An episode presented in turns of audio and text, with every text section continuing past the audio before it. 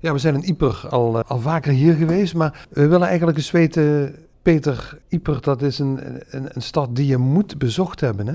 Absoluut, want uh, onze stad heeft uh, heel veel te bieden. Men, men kan hier naartoe komen voor een halve dag, een volledige dag, of men kan er naartoe komen voor verschillende dagen. Maar we hebben ook heel veel mooie hotels, bed and breakfast, vakantiewoningen, waar je kunt logeren.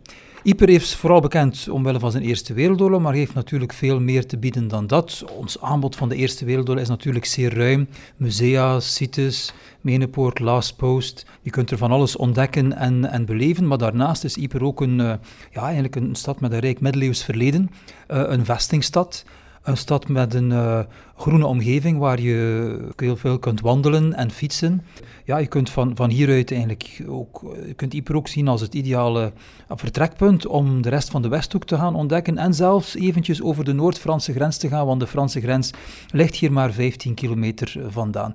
Dus ik zou zeggen, ja, allen, allen hierheen. Peter, wat wij altijd doen als we ergens komen, eerst even naar de dienst van toerisme dat is eigenlijk wel uh, belangrijk om dat te doen, denk ik. Hè? Inderdaad, je kunt je eigenlijk uh, op voorhand al informeren door naar onze website te gaan, dus www.toerismeiper.be. Of je kunt naar de dienst voor toerisme komen, waar we u, de dienst voor toerisme bevindt zich in de Lakenhallen, centraal gelegen, grote markt. En daar gaan we u uiteraard informeren en op weg zetten voor uw bezoek aan onze stad en de streek.